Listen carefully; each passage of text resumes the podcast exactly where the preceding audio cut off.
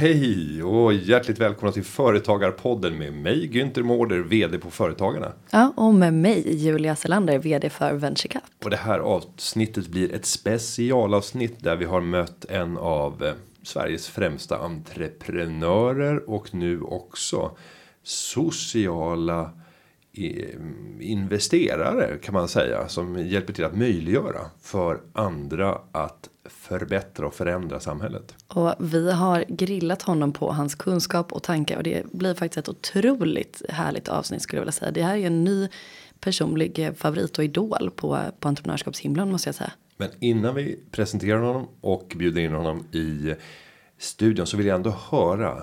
Är det någonting som gör dig särskilt glad just nu?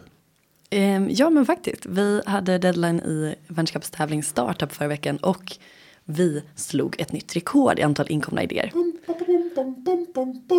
Ja, men tack så mycket. Tack så mycket. Nej, men jag, jag är otroligt stolt och glad. Nu är lyxproblemet att nu har vi ju lovat att vi ska ge feedback till alla idéer. Och det är inte vi på VentureCap som gör det utan det är ju vårt nätverk. Så att vi, vi har nu får de jobba. Nu får de jobba. Nu får man ringa in alla man har lärt känna de senaste Eh, decenniet här och, och dra in och ge feedback. Men det är ett lyxproblem och vi är otroligt stolt för att nu har de här förändringarna och digitaliseringsutmaningarna som vi har tagit tag i eh, som fick jättemycket kritik för i början. De har börjat ge utdelning så jag känner mig väldigt stolt och pepp. Så det är en bra vecka att gå in i. Skoj. Mm, du då? Eh, det är mycket att vara glad över. Kommer precis hem från Åre Business Forum. Där det har varit 2000 besök på plats under tre dagar. Vi hade 70 personer på scen, 30 programpunkter. 19 timmar stod jag på scen och intervjuade spännande människor. En hel del material från det här finns livesänt och upplagt på Åre Business Forums hemsida. Tittar vi framåt sen så kommer jag göra lite nedslag här. Fortsatt med valturné och liknande. Den här veckan kommer jag göra besök i Malmö. Det kommer bli i Leksand, Falun, Bålänge, Rättvik. Ehm, och veckan efter det i Eskilstuna med fler med fler. Så att det, turnén fortsätter.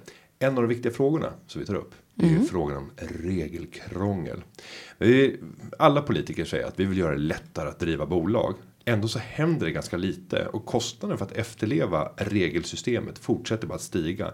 Tillväxtverket visade en studie där man såg att kostnaden steg med 1,2 miljarder kronor årligen för Sveriges företagare för att bara administrera regelefterlevnaden. Härligt. Ja, så nu håller vi på att ta fram exempel från vardagen där det blir helt absurt, men där man också kommer med förslag på lösningar. Ett av de här förslagen, eller ett av de här exemplen ska jag säga, hämtar vi den här veckan från Kebnekaises fjällstation. Oj, berätta mer. Ja, men tänk dig att du blir lite törstig och så finns det en liten fjällbäck där. Då går man dit. Då går man dit och dricker, eller hur? Ja. Det känns ganska häftigt att man kan göra det i Sverige. Men då har man kommit på att det här vattnet har inte rätt fluorvärde enligt Livsmedelsverkets gränser. Eh, så att nu ställer man krav på den här fjällstationen i Kebnekaise att installera någon typ av reningsanläggning för det här fjällvattnet. Oh. Ja, det känns som en kostsam och onödig historia, men vad vet jag?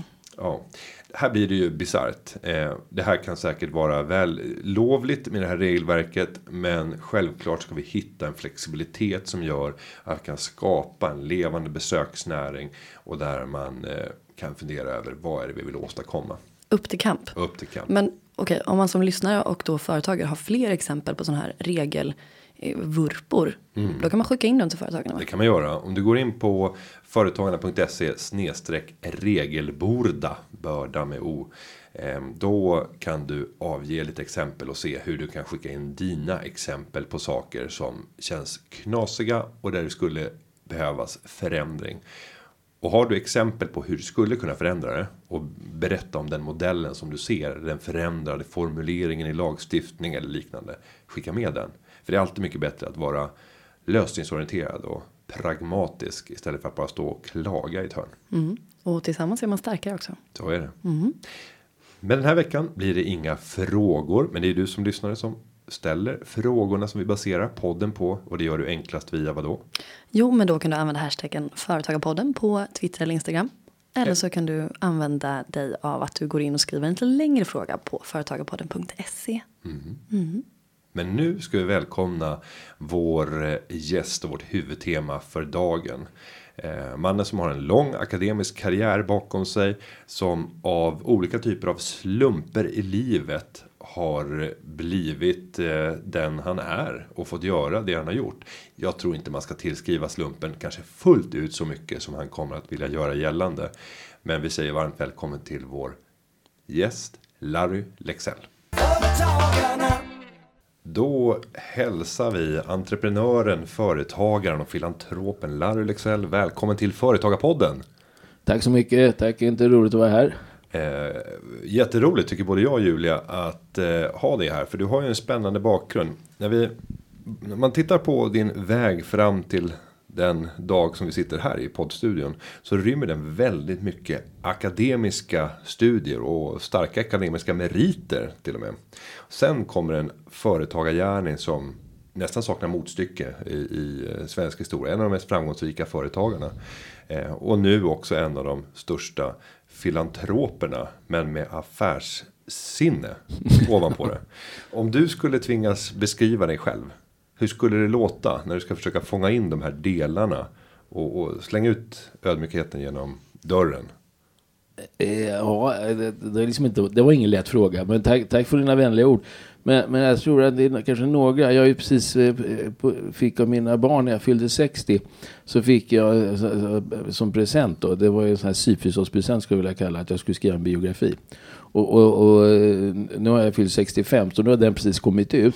Och i, i det sammanhanget har, har, har jag varit tvungen att liksom försöka adressera den här frågan. Eh, alltså vem är man egentligen? Och, så, så här, och, och, och, det går ju inte att skarva för sina barn för de känner ju ändå redan en bättre än en själv. Så att, att det är, så om jag tror, tänker, tänker tillbaka så här, skulle jag säga den ena biten är nyfikenhet. Ja, och, och min bakgrund då, eh, min mor från utlandet och, och alltså jag, jag är liksom halvt nyanländ om jag uttrycker mig så på dagens språk. Eh, och eh, möte med andra kulturer och, och eh, liknande gjorde mig också ihop med nyfikenheten relativt orädd. Alltså det, det är inte liksom att det, det, det fixar sig va, på något sätt. Nu, nu, nu, nu det, så orädd nyfiken har en, alltså livet är alltid, jag brukar skoja med mina barn, always serious but never desperate. Mm. Så att man måste också liksom ta någon slump och, och, och, och, gå lite grann med hjärta och anpassa sig. Så jag är rätt anpasslig också. Va? Och det, det, det kanske är ytterligare ett drag. Sen vill jag liksom, eh, ambitiös. Eh, alltså jag, jag, jag, vill, jag, vill inte flyta utan jag vill liksom göra någon slags meningsfull eh, skillnad. Och vad jag än gör så vill jag inte att det ska vara slarvigt. Så att, att eh, om, om jag var akademiker, ja, då, då skulle jag bli en duktig akademiker. Eh, och, och, och ska jag, nu när man är företagare eller man är företagare, det är lite lättare än att vara akademiker. För som företagare så är måttstockarna lättare än, än eh, om man är akademiker. Om man är akademiker så bedöms man av, av sina kollegor. Men eh, som företagare då kan man ju liksom luta sig mot sista raden. Eh, och det är rätt tydligt. Och, och, och, och, och sen kan man ägna sig åt vad som händer mellan första och sista raden och se till att det blir så bra som möjligt. Men ungefär är, så är det ju. Så det, det är mycket, betydligt mycket lättare målbild än att till exempel vara teaterchef eller eh, menar, chefredaktör på en tidning eller något liknande. Eller sjukhuschef för den delen. Så jag skulle säga envishet, nyfikenhet, förändringsvilja, eh, intresserad, lite kunskapstörstig eh, förmåga att se saker och ting lite grann med distans. Och sen vilja göra saker och ting, vad jag än gör, göra det bra. Kanske lite hyperaktiv också. Mm. och, och, trots ja. hyperaktivitet så får jag en känsla av att du är ändå en person som har lätt att fokusera. Och att vilja leverera på högt uppställda mål. Ja, det, det, det tror jag. Jag har, eh, min hustru säger ibland, jag, jag är rationell. Alltså, så jag har förmåga att sortera bort eh, alltså emotionella stressfaktorer. Mm. Om de inte är väsentliga då. Alltså, eh, men, men, men oftast är vår dagliga stress emotionellt driven, inte rationellt. Därför att vi, vi, vi förväntar oss någonting och så blir inte förväntat uppfyllda. Då, då, då, då blir vi stressade. Lite grann som jag kom för sent idag då. som ett exempel då. Alltså, det kan man bli stressad över. Och, och eh, alltså rationell. Och, och är du rationell då, då har du också lättare faktiskt att prioritera. Så, alltså, det, det, går inte att plocka ner alla bollar samtidigt. Utan nu får vi liksom välja en boll. Och känner du att du lyckas med det. Då, då har du också eh, kraften att gå vidare till nästa boll. Så det gäller ju liksom att välja sina slag som det heter. Då. Och, och eh, i det finns också eh, tror jag, en sanning, nämligen att problem och lycka. Alltså, och, vi har en tendens i Sverige och i någon slags eh, postindustriell värld att säga det att, att lycka, ja, du vet inte ha några problem. Har man problem, då är man olycklig. Liksom. Eh, så, så är ju inte alls fallet. Utan lycklig blir du när du har problem och har förmågan att lösa dem. Intressant take. Mm. Men du beskriver ju många egenskaper hos dig själv som jag tänker verkar vara egenskaper som krävs för att man ska bli en duktig företagare. I dagens samhälle finns det ju en slags trend och eh, ja, det är väldigt häftigt att vara entreprenör. Vad, vad tror du? Kan man, kan man läsa sig till att bli en duktig företagare? Att det, finns, eh, eh, att det finns en idealisering över entreprenörskapet. Och, och, eh, till del, och den är extra stark nu för nu har vi den här eh, digitaliseringen skapar så enormt mycket nya möjligheter. Precis som industrialiseringen gjorde det på 1800-talet och, och renässansen gjorde det på 1400-talet. Och, och, det är de här brytningsskiftena i, i, i, eh, i, teknik, ekonomi, för närvarande då globaliseringen som är tydligare än någonsin. Och så får du teknikskifte på det och det skapar enorma möjligheter.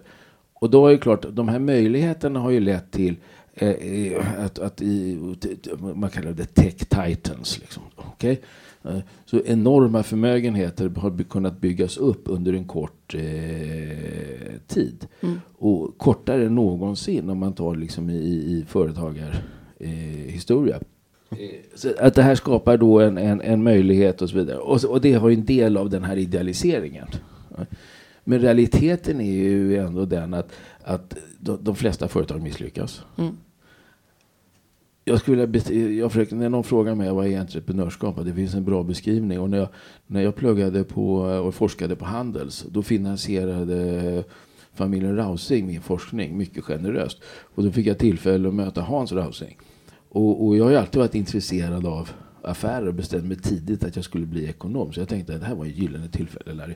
Uh, här har vi en kille som har byggt upp ett, ett, eh, ett Tetra Pak och ett gigantiskt företag. Så jag frågar Dr. Rausing, jag ska fråga Dr. Rausing, vad kännetecknar entreprenörskap?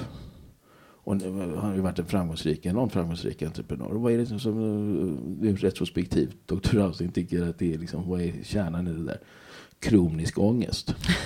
och det är precis vad det är frågan om. Ja. Och, och man, man, måste ha den där kraften och viljan att verkligen leva med det. Mm. Och det spelar ingen roll om företaget är litet eller om det är stort. Det är samma ångest hela tiden. Och det bygger på att entreprenörskapet, för att vara en framgångsrik entreprenör, så måste du ha en väldigt stark idé många av dem som, som, som eh, vurmar för entreprenörskapet nu eh, har ju det lite mer än det, eh, entreprenörskapet som en, en ekonomisk möjlighet. Medan idén är något anpassad till att försöka maximera ekonomin. Då misslyckas man i regel. Alltså det är idén i företagandet som driver framgången. Och med idén kommer envisheten och med envisheten kommer ångesten. Mm. Som ett brev på posten. Ja, det, är... Det, är ingen romantisk beskrivning egentligen. Men, men, men däremellan så, så tror jag att det finns en del romantiska ögonblick i den här ångesten. Ja, det, det, det, det, gör det. Alltså, men, men jag, jag, tror det kan göras även om du är liksom en, en intraprenör i en organisation eller mm. bygger någonting. Det är samma känsla att jag gör skillnad. Att den här idén jag hade har nu förverkligats. Jag lyckades med det här målet. Det är samma äh, känsla. Och tittar man eh, på, på liksom genomsnittslönsamheten på företagande, entreprenörsföretag och eh, jag var många företagarnas, eh, det, det era medlemmar. Så det är klart att det är ju inte en dans på rosor mm. hela tiden. Det är tufft. Verkligen. Ja. Och, och, eh, men i media och överallt då, då slår det till liksom eh, rubrikerna. Och, och, så tror man att det är företagandet. Men, men den här viljan att göra någonting och viljan att kunna påverka sitt eget liv och bygga någonting själv. Jag träffar ju många unga entreprenörer. Ja, det är så bra för man är så fri. Det är liksom ingen bra utgångspunkt. För när man väl liksom sätter igång, så, då är det 24-7. Mm. Och, det ska, och det är en del av det som skapar ångesten. Mm. Men också glädjen. När det går bra. Om man lyckas. Om man lyckas. Ja. och förtvivlan om man eh, många gånger då. Va? Men då är det för just förmågan att kunna klara de här dalarna. Berg och dalar liksom upp hela tiden. För upp och ner går det hela tiden. Och, och, din väg in som företagare började med en, en, innovation som din far tog fram ursprungligen och som sen har förändrats. Nej, alltså, det, det, det, var helt slumpmässigt egentligen. För jag bestämde mig tidigt för att jag skulle bli ekonom. Och det var ju rätt svårt att komma in på Handels redan på den tiden. Men, men, men, det var inte alls lika. Idag har det varit för mig helt omöjligt att överhuvudtaget komma innanför den där porten. Men då lyckades jag i alla fall eh, precis. Jag liksom optimerade så jag kom precis upp till den här betygsgränsen och så kom jag in. Och, och min, min eh, familj och min, min far huvudsakligen då lekar, eh, alltså vi lekar barn. Och lekarbarn brukar bli läkare liksom. Mm. Eh, och men jag ville bli eh, Eh, ekonom. Jag blev intresserad av nationalekonomi när jag gick på gymnasiet och så vidare. Så när jag kom in där, första, första, en av de första kurserna på Handels var då eh, eh skatterätt. Och eh, professorn där var, var en professor som hette Knut Rode. Han var legend när det gäller svensk eh, skatterätt. Och eh, min far hade då en, en, en liten firma, eller royaltyintäkter på patent som han hade för lite uppfinningar och innovationer. Han var ju väldigt eh, innovativ. Och, och då lärde jag mig då att aha, företagsbeskattningen det var mycket lägre än personbeskattningen. Mm. Och det var liksom en nyhet då. Eh, och nu pratar vi 70-talet där, där skattetrycket var liksom nästan som högst i Sverige. Så jag gick till min far och sa till honom, startar du inte ett företag pappa så, så får du behålla mer än hälften. Ja, och det tyckte han var en lysande idé. Det var 50 000 kronor om året så det var liksom utomordentligt blygsamt. Men han var inte minsta intresserad av det där. Då kan du inte göra det åt mig Larry? Då, liksom så här. Ja, ja, och då bildade jag eh, Elekta, som det heter då, Elekta Instrument AB. Och så hjälpte jag pappa att skriva över de här patentavtalen så de kom in i bolaget. Och sen använde han det här bolaget för sin eh, forskning. Men han hade inte det minsta intresse eh, att, att liksom driva det och hålla på med dubbel italiensk bokföring och annat som man ska göra när man är företagare. Eh, så, så att jag, jag, jag blev då VD. Och det tänkte jag var lite kul. Så här, så första terminen på Handels var jag verkställande direktör. Men det var ju ingen lön eller något sånt där. Jag. Och så var det hela vägen ända fram till eh, ja, 86. Där jag bestämde mig för att ta tag i det. Sen när jag var färdig med Handels då ville jag på 70-talet, nu vill man vara entreprenör eller konsult. Och på, på 80-90-talet ville man bli bank, gå in i bank eller finans och det är lite eh, svalare idag. Men på 70-talet ville man gå in i storindustrin. Man ville gå in i liksom, den skulle egentligen ASEA eller, eller Ericsson eller något sånt där. Och, och, även offentlig förvaltning var väl? Och offentlig förvaltning var också eh, ett prestigefyllt. Eh, så jag tänkte, först tänkte jag att jag skulle bli eh, diplomat för jag såg framför mig Larry Benjamin Franklin bakom ett stort skrivbord och, och, och, och skrivandes depecher fram och tillbaka va, och styra eh, svensk utrikespolitik.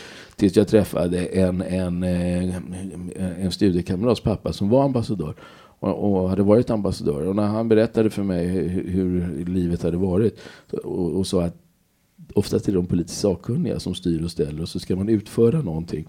Då svalnade det där. Men jag gjorde i alla fall ett försök att komma in på aspirantutbildningen. Det var ju helt hopplöst. Va? Så det, det gick ju inte. Va? Det var ju jättesvårt att komma in på den här. Det är fortfarande svårt. Och då tänkte jag efter ett tag, då, vad ska jag göra nu då? Så då gick jag till min professor, som, eh, Sven-Erik Johansson. Sven-Erik hade mycket kontakt i näringslivet. Han var revisor i Handelsbanken, Astra och så vidare. Jag tänkte att Sven-Erik kan nog fixa ett jobb åt mig. Men, men eh, Sven-Erik var inte det minsta intresserad av det. Utan eh, han sa du kan få jobb här lite grann och assistera och göra en, en eh, med internationell finansiering. Och, och eh, jaha, tänkte jag. Jag hade ju inga inkomster eller någonting. Det var ju bättre än ingenting. Mm. Och, jag, och, efter tre månader då så, så, blev det där väldigt bra. Jag gjorde det med Sten Wikander som var en legend i svensk och lärde mig rätt mycket av, av, eh, eh av Sten. Och, eh, och sen tänkte jag nu, nu får Sven-Erik fixa ett jobb. Men det, hade, det, sa inte, det tyckte inte Sven-Erik. Jag tyckte du ska bara forska. Jaha, jag hade ju inget annat att göra. Och jobb fick jag ju inte. Så att, eh, ja, det var jag forska. Det är lite grann där tillbaka med slumpen. Och, eh, eh, och då, då, då, tänkte jag, nu ska jag forska. Det här är liksom, eh, jag sa till honom att ja, det här måste gå fort då Sven-Erik. Ja, tre år, max tre år. Alltså ska min avhandling vara kvar. Och han tittade på mig, du skulle veta, jag har aldrig haft en doktorand som har gjort det här under sex år. Okej? Okay? Och, och, och, och det slutade, jag gjorde den efter eh, fyra år eller sådär, fyra och ett halvt år. Men, men jag fortsatte att forska hela fram till 82 och var lärare sen på, på gästforskare på Harvard. Så var lite lärare på, på INSEAD och, och, undervisade. Och lärde mig väldigt mycket, för jag höll på rätt mycket med, för, med företagsledarutbildning. Så jag fick ju träffa eh, eh väldigt mycket chefer i svensk och internationell industri. Och är man lite klurig, man är 26, 27, 28 år gammal och ställer rätt frågor, ja, då kan man ju faktiskt lära sig grejer rätt snabbt. Utan att behöva göra det själv. Så jag lärde mig rätt mycket. Och även av min forskning då. Så att, eh, och, och, och, men sen kom det liksom en brytpunkt och brytpunkten var att vi fick vårt första, första barn. Eh, eh, bodde i en liten tvåa. Och sen kom andra barnet och så tänkte jag att det här, det här kommer bli svårt att försörja. Mm. Med, med, med liksom forskarlön och så. Och så frågade jag mig verkligen, ska jag verkligen bli liksom nu professor och försöka bli det och så vidare. Och, så vidare. Och då har jag ändå gjort det där i ett antal eh, år. Och då bestämde jag mig för nej nu, nu ska, måste vi försöka göra någonting. Men så, som då ekonomidoktor och forskare. Det är ju inte så att folk gör vågen när du kommer in och söker jobb. Mm. Du är ju liksom lite oplacerbar eh, bar som, som, som ekonom. Så vad gör man då om man är eh, en, en, en forskare, för detta forskare och ska bli eh, försöka hitta på någonting? Jo, man blir ju konsult då. Va? Vilket jag blev då. Och det där var ju helt förvånansvärt för att, att eh, jag hade aldrig varit konsult. Och jag visste inte heller vilken, vad skulle man ta i arvode och så vidare. Och då, och då, hade jag en god vän som var partner på McKinsey och så frågade honom vad han tog. Och, och så och tänkte han är ju bara civilekonom, jag är doktor. Och så höjde jag arvodet 50 procent över hans. och, så väntade jag på att telefonen skulle ringa. Och, och så började det ringa och det dröjde inte mer än några år så var vi plötsligt 100-150 konsulter. Och det, det, så det gick som eh, tåget. Elekta då skötte jag med vänsterhanden under hela den resan. Eh, alltså i hela 70-talet, in i början på 80-talet. Så 82, 83, då tror jag Elekta hade kommit upp i en omsättning på 2 miljoner och sånt där. Okay? Och, och, och, och, min svägerska, hon, hon skötte, och det, det var liksom utomordentligt blygsamt. Alla pengar gick till eh, min fars eh, forskning. Mm. Och jag kanske var minst, alltså aldrig över 5% av min tid under hela liksom 70 och på 80-talet.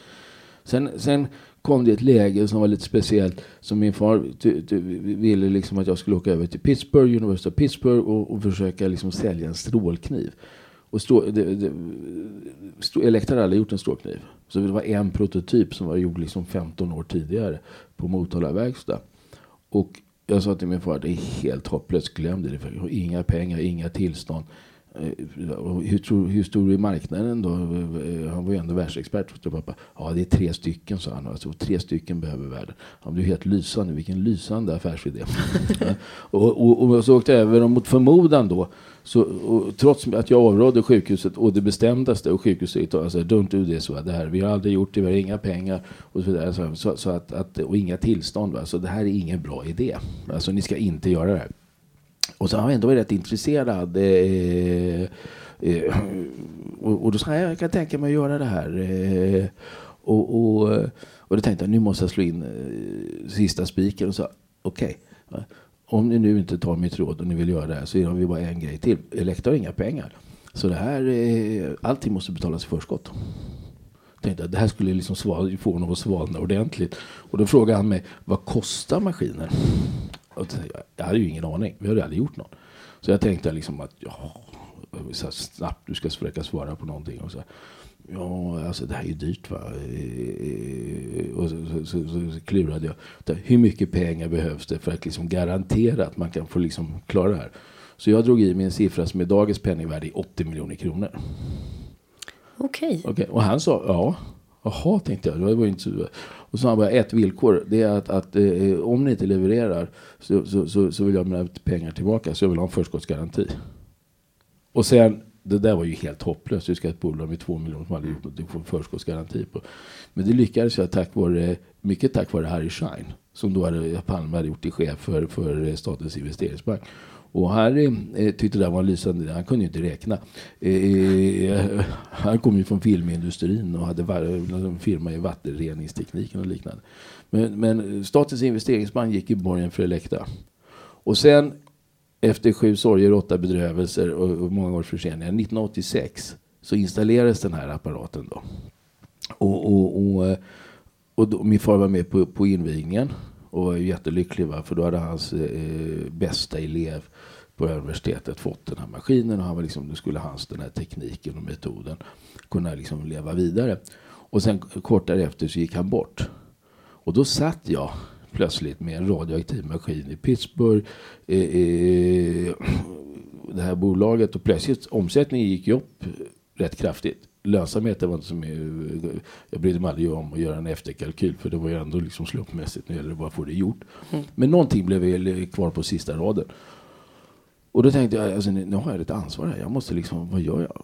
Och då, då bestämde jag mig för att, att nu lämnar jag konsultverksamheten och ska se om det går att bygga, rent professionellt och rent professionellt intresse, går det att bygga ett internationellt medtech-företag. Och sen dess, då, 86, har jag ägnat mig heltid åt Elekta. Men det var ju också slump. Och, och det var, det var, alltså, den där affären, det var ju ingenting som man gjorde vågen över. Man, och, men, men det, det, det, lyckades. Och det kanske går tillbaka till det här liksom att man... Och så här i efterhand så kan vi, så kan vi konstatera att, att svaret på din fråga, går det? Ja, det, det verkar ha gått. Ja, om man då tänker tillbaka, vad är det så, som, och även Julia din fråga, alltså, alltså någon slags nyfikenhet. Mm. Ja. Det måste ju finnas någon ambition. Det måste finnas ett, ett, ett, ett starkt eh, känsla av idé och ansvar för allt det som den här idén då medför. Eh, och jag, jag brukar säga till mig själv, eh, och det är rätt tydligt i, min, eh, i vår bransch då, där vi ändå håller på med, med, med cancer och nervkirurgiska sjukdomar. Alltså vi håller på med de svåraste sjukdomarna som drabbar oss människor och som skapar mest diskontinuitet. Alltså, du kan inte slarva. Alltså, du har ingen, alltså, har, kan du inte göra nytta för patienten så har du inget rättfärdigande. Då har du ingen existensberättigande. Och eh, i, i, de flesta företag så är det ju så, det är mer aktuellt idag än någonsin kanske, att, att eh, jag brukar säga till, till, till, mina kollegor, if you're good to mankind, mankind will be good to you. Och då kommer du in på det här med socialt ansvar, hållbarhetsfrågor som är högaktuella i näringslivet idag. Och, och, och, och, det leder också till en känsla av att man, man måste se saker lite eh, med, med ett helhetsperspektiv. Man ska inte bli entreprenör om det primära idén och målet är att man ska bli rik. Det låter som ett klokt råd. Men din karriär kom sen att eh, rymma otroligt mycket Elekta. Men sen har ditt samhällsengagemang vuxit och vuxit. Och du har även satt en affärsprägel på hur kan man utveckla samhället men samtidigt göra det med en ekonomisk hållbarhet i, i grunden. Mm. Tankarna bakom det du nu har satt igång som jag tror är Sveriges största sociala fond för investeringar i, ja, i det, är alltså, det, det, det, det är ingen fond egentligen utan det, det är familjens Family pengar. office. För jag, exakt, för det känns ju, jag känner mig inte riktigt redo att ta ansvar för andras pengar i de här sammanhang. Men, men, men det var också slump. Så, så att i, det började med alltså, samhällsengagemang och, eh, och, och, intresse för vad som händer liksom runt omkring i världen. Elektra internationaliserades ju väldigt tidigt. Så det, jag har alltid varit intresserad, var intresserad av internationell politik, eh, internationell ekonomi. Och jobbar du i, i, eh, i min bransch och, och jobbar med de här svåra vårdfrågorna över hela världen, ja, då ser du utmaningarna också. Alltså bristen på cancervård, eh, kvalitetsfrågor. Och 80 procent av all, eh, 20 procent av hela av världens liksom befolkning svarar för 80 procent av alla resurser. Så 80 procent av världens befolkning har, har i, egentligen ingen egentligen vårdkapacitet att luta sig mot. Och cancer växer idag i, i eh, om vi tar i Afrika, det, det har mera cancerfall i Afrika än vad du har aids, malaria och tuberkulos sammantaget i antalet eh, i mortalitet och antalet eh, dödsfall. Så det där gjorde ju att man liksom ändå hade någon slags känsla. Men det som var slumpen var att jag läste en artikel i Veckans Affärer. Och det var någon sån här lista, du vet, eh, vilka verkställande direktörer i börsbolag då har suttit längst. Och jag var näst högst upp på den där listan. Och då tänkte jag, det här känns ju inte riktigt rätt. Va? Det var liksom skruvat. Eh, och, eh, och, och, och tänkte jag, nu är det nog kanske dags att... Jag var ju inte lastgammal. Eh, jag var ju under 50, men jag tänkte det här känns ju inte fel. Det känns ju inte rätt. Och tänkte, då bestämde jag mig för att jag måste liksom bara nu planera för succession i eh, Elekta. Sen fick jag cancer, likväl som många av mina andra eh, släktingar har haft. Min mamma gick bort när jag var 13. Och, och eh, i, i, då, i cancer. Och då, då, känd, då, då slog ju liksom en viss känsla av att man är faktiskt dödlig mm. också. Och, eh, och då, då, för Elektas del så tänkte jag att nu är det liksom viktigt då att vi liksom driver på det. Och då bestämde jag mig för att avgå som koncernchef. Och vilket jag gjorde 2005. Men då har jag ändå hållit på sedan 72 och som börsbolag sedan början på 90-talet. Så det var, det var liksom rätt lagom. Och, eh, och då har jag liksom ingenting att göra. Och är du liksom lite överaktiv sådär. Så tänkte jag, jaha vad gör jag nu? Några dagar efter när första gången jag gick och köpte mat till familjen. Då fick jag samtal. Och det någon till mig till frågan om jag skulle vilja bli ordförande i Stockholms Stadsmission. Och jag kunde ingenting om, om den sociala situationen i Sverige. Jag hade liksom, det jag kunde om Stadsmissionen det var egentligen eh, det som skedde vid Slussen. Eh, dåvarande Stadsmissionscenter eh, eh eller Stadsmissionsgården då. För, för de mest utsatta i Stockholm. Som låg vid, vid Saltsjöbanan. Och, aha, och så började jag titta lite grann i det där. Jag frågade liksom för detta ordföranden som var Antonia. Är det mycket jobb i det här? Då? Och revisorn och liknande. Och, och, och, då blev jag rätt intresserad. Speciellt när jag träffade Stadsmissionens medarbetare och begrep mm. liksom hur situationen såg ut. Och då tänkte jag att nu har jag ändå liksom jobbat med vården internationellt och nu har jag ingenting att göra. Och jag älskar min stad. Jag tror alla vi stockholmare älskar Stockholm. Då tänkte jag se om jag kan göra en insats.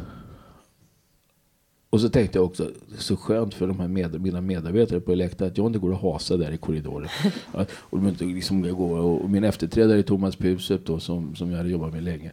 Och tänkte att han, alltså han kan inte, jag bestämde mig att inte bli ordförande. Han har varit hans chef, jag måste få någon ny. Så jag blev arbetande styrelseledamot. Med lite ansvar för strategi och det betyder ju inte så mycket. Då har du rätt fri dag, agenda. Och så tog jag det.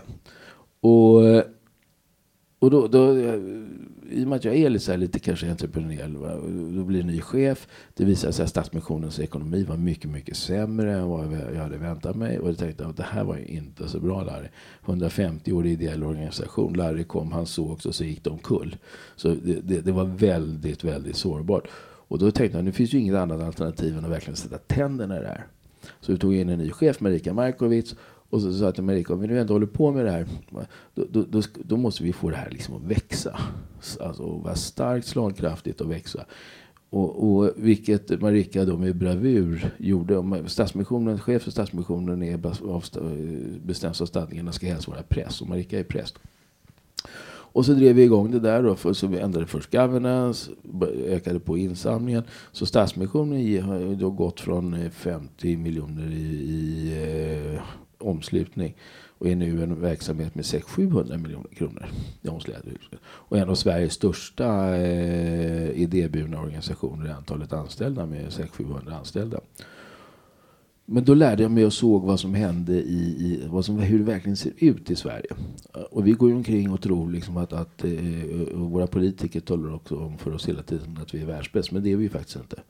Och, eh, och när jag såg då eh, utsattheten och uh, unga familjer som kommer till Stadsmissionen för att hämta en matpåse varje uh, dag med, med, lite havre och annat. Så de mest utsatta förstås hemlösheten, men unga på drift, psykiska ohälsan så, som drabbar så många unga i Sverige, etc. etc. Då fick jag ett visst intresse där och började liksom verkligen tränga in i, i, evidensbaserade modeller. Hur kan vi göra grejer bättre? Hur kan vi få ett mer bestående impact på det som Stadsmissionen gjorde? Och så vidare. Sen ändrade jag stadgarna så man inte kan sitta hur länge som helst.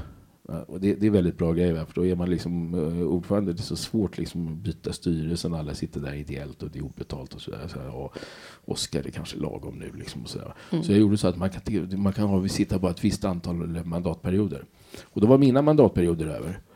Men då var jag så pass intresserad så tänkte jag vad ska jag göra nu då? Då hade jag noterat att svensk idéburen sektor har, eh, eh, den är stark. Vi har ett stort engagemang i Sverige, både unga som äldre. Det engagemanget har, har, har man ju liksom lite grann kvävt eller försökt kväva så tillvida att man ju, man, vi, har, vi är det enda landet i Europa som inte har avdragsrätt för gåvor. Mm. Vi är det enda landet i Europa där, där näringsliv inte får eh, avdragsrätt. Och, och, och, det bygger på den svenska välfärdsmodellen och det är liksom en vänsterpolitisk eh, grej att nu ska vi inte folk gå med handen i handen och med hatten i handen och vi ska inte tillbaka till brukssamhället. Och det finns massa ideologiska grejer. Och de som inte ligger på den kanten vill ändå inte ha det som typ vissa i alliansen.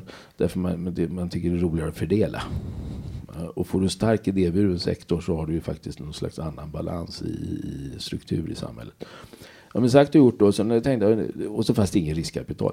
Då tänkte jag att jag skulle se om det gick i Sverige att starta Sveriges första social impact investeringsföretag. Och, och det blev starten till Excel Social Ventures. Och varför då social impact istället för en stiftelse eller ge bort gåvor? Ja, det är väl därför man är lite aktivist då. Mm. Och jag hade inget intresse av eh, att, att sitta och liksom ge gåvor och sen, eh, utan jag vill göra det, försöka göra det professionellt. Och eh, nu håller det där på att byggas upp och eh, ser lovande ut.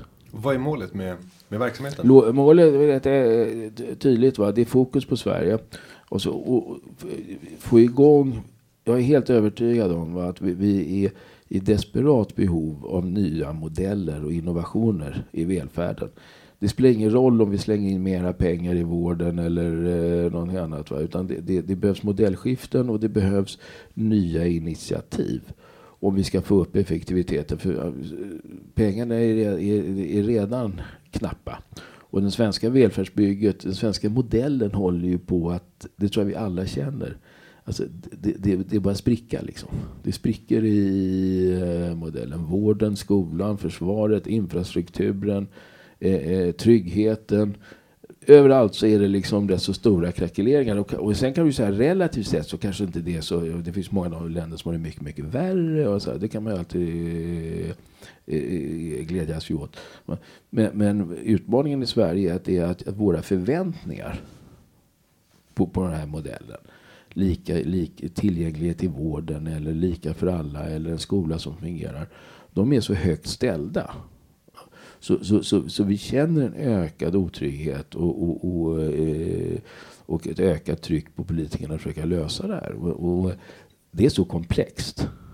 Så att eh, och på, det, är så, det är flerfrontskrig. Så det är få så, så, som har liksom en syn. Och då är jag helt övertygad om att nya innovationer och nya modeller så, som, som sen kan tas som ett avstamp för att göra någonting nytt med ökad effektivitet och liknande. Och det är bakgrunden till det. Och då är fokus på det här då eh, ut, utanförskapet utan, med viss fokus på unga. Det är eh, ungas utanförskap. Och vad är det då? Jo, det är psykiska hälsan, ohälsan. Det är 500 000 unga i Sverige som, som har ett ohälsosymptom. Eh, vi har, eh, ohälsan leder också till eh, utbildningsproblem. Alltså vi har massa dropouts. Ja. Och, och 12 procent av Stockholm, Sveriges eh, grundskolebarn sitter hemma i Sverige. Så, okay, de går inte till skolan. Så kallade hemmasittare. Eh, andelen eh, som, går, som klarar gymnasiet är, är, den andelen som inte klarar gymnasiet är fortfarande väldigt hög. Bland de nyanlända så är den extremt hög. Eh, och det kan man ju säga att går vi inte i gymnasiet i Sverige idag, alltså det blir svårt på den svenska arbetsmarknaden att kunna konkurrera. Och sen har du då antalet som liksom eh, orkar lyckas gå från gymnasiet in på, på högskola är också en eh, fallande siffra. Som ett exempel då. Sen har du boendefrågorna, sysselsättningen.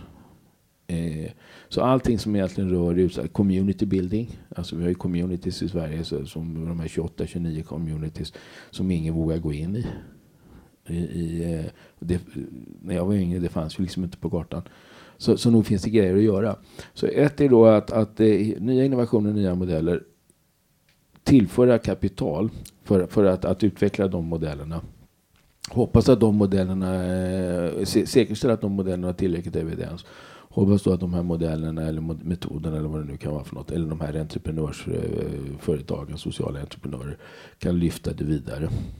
Och sen hjälpas åt att bygga eller stärka ett, ett, ett bra och tryggt eh, Sverige. Och då är kriterierna eh, stark, alltså, starkt förenklat. Ett, ja, att det ska vara till impact då. Ja, det ska beröra tillräckligt många, eller de det, det, det berör, ska det beröras tillräckligt djupt. Mm. Nummer, nummer två, va, att det ska vara skalbart. Så, så att det verkligen kan liksom vara eh, och evidensbaserat. Och nummer tre, att det ska vara ekonomiskt hållbart. Mm. De två första är, det, är, är, är, vi har gått igenom 800 entreprenörssituationer i Sverige. Jag tror liksom säkert 80 procent av allt som finns. Allting från eh, ekologiska eh, kryddor i Rosengård till eh, svanenmärkt eh, catering med, med, med, arabisk mat i Kista eller i Rinkeby etc. etc. Och, och de, det första entreprenörskapet är fantastiskt. Det finns jättestort engagemang, speciellt bland de eh, unga. Det som är lite problemet i den ekonomiska hållbarheten, det är liksom en utmaning. Och den utmaningen kommer av att, att det skulle vara ekonomiskt hållbar. Vad är det egentligen frågan om? Jo, du måste ha en kund. Mm. Som vill köpa din tjänst eller din produkt. Och i Sverige när det gäller social, sociala sektorn så, så, är det egentligen bara kommuner och landsting. Mm. De är helt dominanta i, i, i, och kommuner och landsting kan ju inte gå och köpa innovationer. De måste ju LOUa allting. Och upphandla allting. Och ska du upphandla någonting, ja det är självklart att du, du, du kan inte upphandla en innovation. För, för det, den är ju ny. Så du vet inte vilka krav du ska ställa. Du vet inte ens hur du ska jämföra priset. Och innovationsupphandling som eh, kommuner och sånt har möjlighet till, det, det, det, är svårt. Det är få som klarar av. Så att eh, eh då slog det mig och, och, och, teamet att det här kommer liksom inte riktigt gå. Va? Vi kommer att hålla på att finansiera de här. Eh, men hur ska vi säkerställa att de här innovatörerna och entreprenörerna och innovationsföretagen får en bestående eh, kundrelation och inte ska gå med hatten i handen och be om få projektbidrag eller eh, stiftelsestöd. Det blir bara korta pengar. Då kan du inte bygga en verksamhet. Mm. Och, eh, och, och, då blev jag intresserad. Modellen finns från England som vi kallar det social impact bonds. Så tänkte jag så här. Jaha, vi, vi vänder på skutan. Så vi finansierar kunden.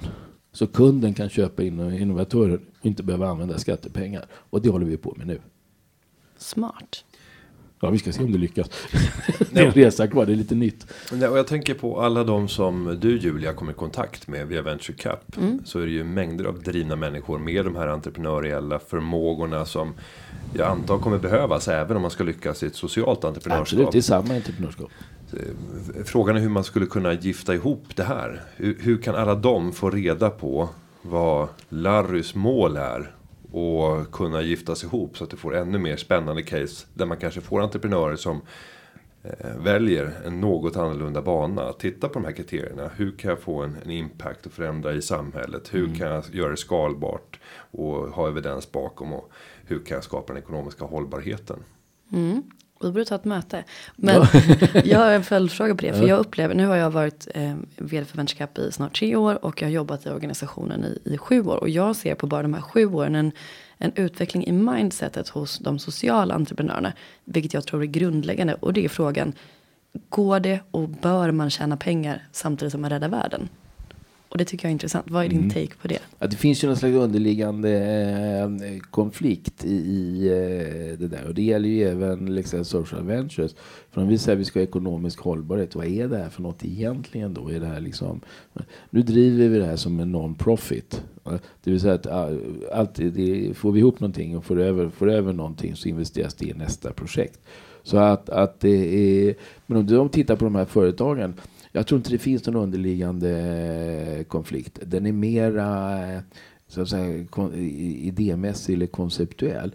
Men om du lutar dig tillbaka och så säger du att vi ska, vi ska liksom, nu, ska jag göra nytta och jag vill göra en bestående eh, nytta. Så måste det vara ekonomiskt hållbart. Vad, vad gränsen går till sen då kanske är liksom vilken lön vill du ta ut eller vad gör du för investeringar etc. etc. Och, men du, du, det måste vara ekonomiskt hållbart. Och, och, och, är man inte beredd att liksom ta det steget av politiska eller ideologiska skäl.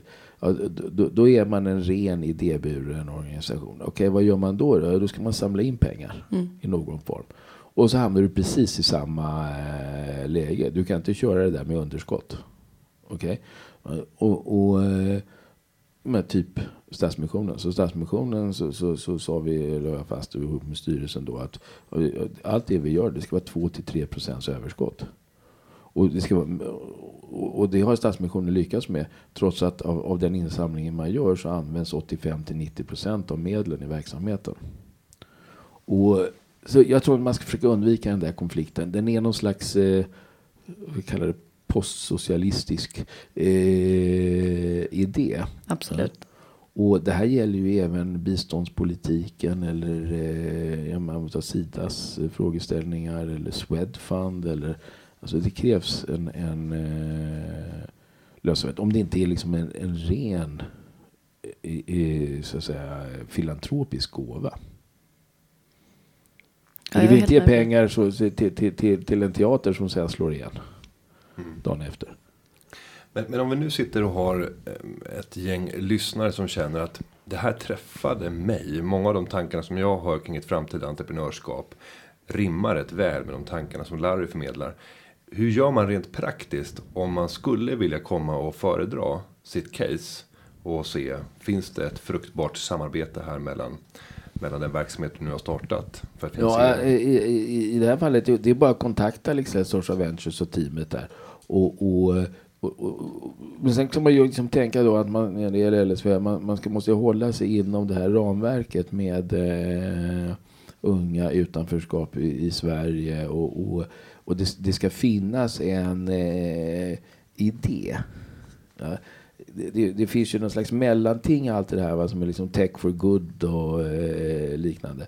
Och, och, och där är det lite gråzon. Alla bolag vill vara lite hållbara. Så att vi försöker ändå sortera ut till de som liksom har liksom en social idé och en social innovationsförmåga. Inom de områdena, för vi kan inte ägna oss åt allting. Och inom de områdena så, så, som vi, vi har prioriterat. Och LSV måste ju också bygga upp kompetens i de här områdena. Mm. Vi måste förstå psykisk ohälsa. Vi måste bygga nätverk med experter kring det där. För att, vi, vi, vi, måste kunna ha en viss utlandsbevakning. Vad finns det för modeller utanför eh, landet som kan appliceras etc. etc.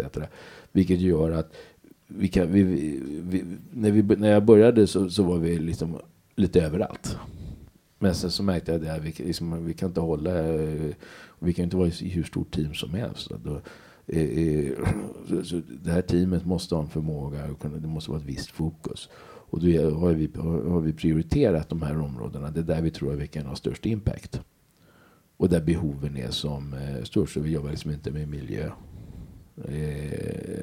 Och etc. etc. Inte demokrati och andra områden som är, de är lika väsentliga i och för sig, men, men, men eh, som inte ligger i LSVs. Det är liksom social ventures. Mm.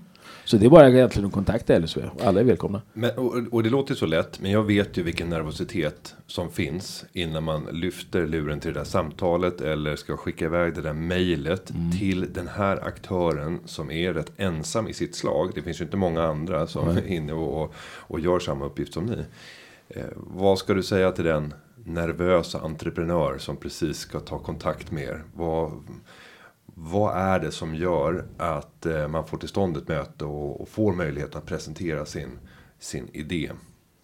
Jag kan säga det att det första är att, att du har en idé som är tillräckligt bärkraftig. Och, och eh, det har vi inte sagt att man har vi ett idéburen i, i, i, verksamhet eller om vi ska ha ett samhälle som fungerar så måste ju också samhället ha förmåga att kunna liksom attrahera, bygga och, och ideal. Annars blir det ett förskräckligt samhälle. Och ideal kommer ju oftast att man har någonting i hjärtat. Liksom. Man vill göra någonting eller man har liksom påverkats av någonting eller sett någonting och nu, nu vill man göra en skillnad. Och eh, det är inte alltid den typen av modeller, hur bra man än tycker den är, som är lämpliga för impact investing. För då är det kanske så faktiskt att man, man ska låta idealet komma före frågeställningar som ekonomisk hållbarhet och, och eh, långsiktighet och, och, så vidare. Man kanske inte har någon större intresse heller av att, att någon större skalbarhet utan man vill jobba inom sitt närområde eller göra någon, i, i den communityn man lever vill man göra någon skillnad. Så det tror jag är en sån här kriterium. Så då ska man inte gå till LSV. Då ska man liksom leta efter pengar hos eh, kommuner, stiftelser. Eh, framförallt de två då. Mm. Eh, men om man nu har den här idén, nu ska jag göra, bygga det här företaget jag tror att det här kan vara liksom ekonomiskt hållbart. Ja, då, då, då blir det egentligen som vilken företagspitch som helst. Så att säga. Men bara att idén är annorlunda. Och, och det där är vi jätteintresserade av. Vi har finansierat en skola ute i, i, i eh, Tensta-Rinkeby som har liksom en helt annan modell. Eh, framgångsrikt. Vi tittar på när det gäller psykisk ohälsa. Nu, det är en jätteutmaning i Sverige för det finns ju inga terapeuter. Och så har vi 40-50 000 nyanlända barn som, som är traumatiserade, ensamkommande. Och som nu kommer vara ensamkommande om de väljer att stanna kvar i Sverige resten av sin tid. För det finns ingen anhöriginvandring längre. Och, och eh, alltså, kapaciteten finns inte. Så då har vi sagt att hur, hur löser vi den utmaningen? Och, och, så de som kommer över traumat och sen liksom kan börja liksom verkligen integrera det i, i eh, Sverige. Ja, det, då, då, måste det fin, finnas tillgång till eh, terapi. Och i och med att det finns några terapeuter, då, då har vi tittat på nu och utvärderat lite olika modeller för, för e-baserad terapi. Mm. Men då måste ju det göras på ett sätt som, som också säkrar att vi får resultat, att det är mätbart, att det är på vetenskaplig grund, etc. etc. Och där har vi kommit en bit. Men det är ett exempel på en, en, en, eh, ett projekt som är intressant för LSV.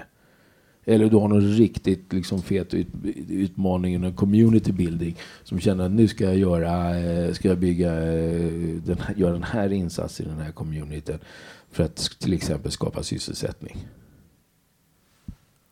Jag tror att du har satt igång tankarna hos många av våra lyssnare när det gäller olika typer av idéer som man kanske har gått och burit på men som mm. man kanske har ja, struntat i att vidareutveckla för man har inte sett att det finns tillräckligt starka intressen att kroka arm med. Men här finns det en möjlighet. Det är väl ett medskick till, till alla lyssnare där ute. Ja, jag tror er, inte eh, Julia, era medlemmar är ju när man tittar på näringslivets engagemang i de här frågorna. Då är det ju faktiskt företagarnas medlemmar som, som, som går i, i täten. Här. Det är de som, som, som, jobbar i sin närmiljö, som känner att man vill göra en insats, som stöttar idrottsklubben eller eh, hjälper till med något projekt. Eller det kan vara till och med utsmyckningen av stan eller det, det, någon social program eller skolan eller liknande. Och, och, eh, det är tur att vi har de företagen i Sverige. För de större företagen och börsbolagen de, är, de sliter med vad är egentligen deras hållbarhetsarbete. Och det går ju tillbaka till det här med att eh, har, har vi inte avdragsrätt för större företag med, med, med spritt ägande. Ja, det har ingenting med skatten att göra. De här 22 procenten, det är helt irrelevant. Men det är ju då att om, om, om det inte är ger avdragsrätt, det betyder att då är det ju egentligen inte en del av, av näringen, ens näring. Så det är ingen kostnad så, så, så, så som eh, liksom skattemässiga avdrag. Gör, gör, gör avdrag och därmed så är det inte en del av näringsverksamheten. Och det har ju inneburit att det är jättesvårt för många av de stora bolagen att få ett, liksom ett, ett riktigt strategiskt på styrelsenivå program som är, som är liksom långsiktigt hållbar, företagets långsiktiga hållbarhetsarbete som är kopplat till bolagets risksituation eller eh, bransch eller liknande. Medan de mindre och medelstora företagen, de ligger på framkant där. För de bryr sig inte om det där. Nu är det de som bestämmer. De har inte spritt ägande. Nej, och där tänker jag mig att eh, vi ska göra ett projekt. Eh, tillsammans med ett antal andra starka personer i näringslivet och se till att driva politisk förändring. För jag har stött på flera nu som eh, lyfter upp just frågan om avdragsgillhet för olika typer av välgörenhet då. Eh, att kunna bidra i samhällsbygget som ett hinder idag att vi inte har det. Och det hade väl varit härligt om vi skulle kunna sitta här om tre, fyra år och konstatera att vi fick till stånd en förändring. Ja, jag står det- beredd att jobba rätt hårt Ja, för att nå det, dit. det, det är en skam att vi inte har det. Jag lobbade hårt för det där också. Så men, men, nuvarande regering, det, det, det första propositionen i Sverige för avdragsrätt det var på 50-talet. Det var på folkpartister. Sen så förra, i allians, förra alliansregeringen så, så slank det med. Lite eh, med vänster, ja, med en liten armbågsbjudning då. Men med nuvarande regeringen så blixtsnabbt så tog man bort det. Och Men det, där kan vi ta som mål då. ja, det Förändra igen. Gud vad jag ser fram emot det här. Ja. Jag kan signa under och starta upp världens vägnar också. Mm. Nu startar vi ett upprop. Ja men faktiskt. Mm. Spännande. Jag tror, det jag tror det är viktigt också. Jag tror att vi måste inse att eh, eh, vi behöver nog rulla upp våra kortärmar eller kavla upp dem. Och, om vi ska greja de här utmaningarna vi har i välfärden. Och det, det gäller individens engagemang. Och Det finns där. Det, det, liksom att det, det måste kunna liksom, det måste ha förutsättningar för att kunna eh, utveckla det. Näringslivet självklart måste upp på banan. Och vi måste ha mycket större samförstånd och samverkan kring eh, olika lösningar. Annars så tror jag eh, vi kommer säkert greja det men det kommer bli värre innan det blir bättre. Kanske i onödan. Med det, Larry, så vill vi tacka dig för att du kom till Företagarpodden och delade med dig dels av din resa men också av din fortsätt, fortsatta planerade resa. Förhoppningsvis med några av de lyssnare som precis har hört det här. Otroligt inspirerande på alla plan. Och vill man läsa mer om det så har du också släppt en bok som heter Strålande tider. Där man kan läsa mer i detalj, eller hur? Ja, det finns där och där. eh, Det är med, jag har ingen, riktig- ingen distans i den där för den är ju beställd av och skriven för mina barn. Så att, eh, men den finns där. Och beskriver mycket av de här tankarna. Kul att få vara här. Ja, tack själv. Gott, hej då! Och där är vi tillbaka i studion igen och Larry har precis lämnat. Vilken man. Vilken- Vilken man. Vad lämnade, vad lämnade han för känsla hos dig? Nej, men jag blev otroligt motiverad av just det här med att det finns så mycket samhällsutmaningar och den, den spirande tron på att det är inte kanske samhället själv som kan bära och lösa alla problem utan det behövs företagare. Och eh, som företagare eller företagsintresserad så är utmaningar också, ja, eller problem är utmaningar. Så att det finns mycket att göra men det finns ju många affärsmöjligheter i detta. Så att jag skulle säga att jag är, jag är bara sugen på att köra vidare och ja, om jag ska inte sticka under stol med att jag vill gärna ta ett möte med eh, Lexell Social Ventures också och se vad vi kan göra tillsammans med Venture Cup för att lösa fler utmaningar. Vad tar du med dig? Nej men det är just det här att vilja förbättra Sverige. Eh, och göra det på ekonomiskt hållbar grund. Och lösa samhällsutmaningar med hjälp av entreprenörskapet som kraft. Jag tror på det. Jag med. jag, jag tror inte på att det offentliga har lösningarna på alla de problem som idag finns. Utan vi måste få ett bredare engagemang och inte skjuta ifrån oss ansvar till det offentliga. För det blir lätt så när man har skapat ett samhälle Men det är skattetrycket som vi har och så mycket sociala inrättningar som finns i det offentliga. Då är det lätt att man bara backar tillbaka och tänker att ja, men jag betalar ju så mycket skatt. Varför ska jag behöva engagera mig i det där? Och det blir ett farligt samhälle. Vi behöver en kombination av de båda och Sverige har gått alldeles för hårt i riktningen att det är det offentliga som ska ha monopolet för att lösa samhällsproblem och samhällsutmaningar. Ja, men det är också en märklig syn på att politiker ska vara någon slags övermänniskor som ska ha svar på alla frågor. Utan man måste engagera alla medlemmar i ett samhälle för att det ska bli bättre.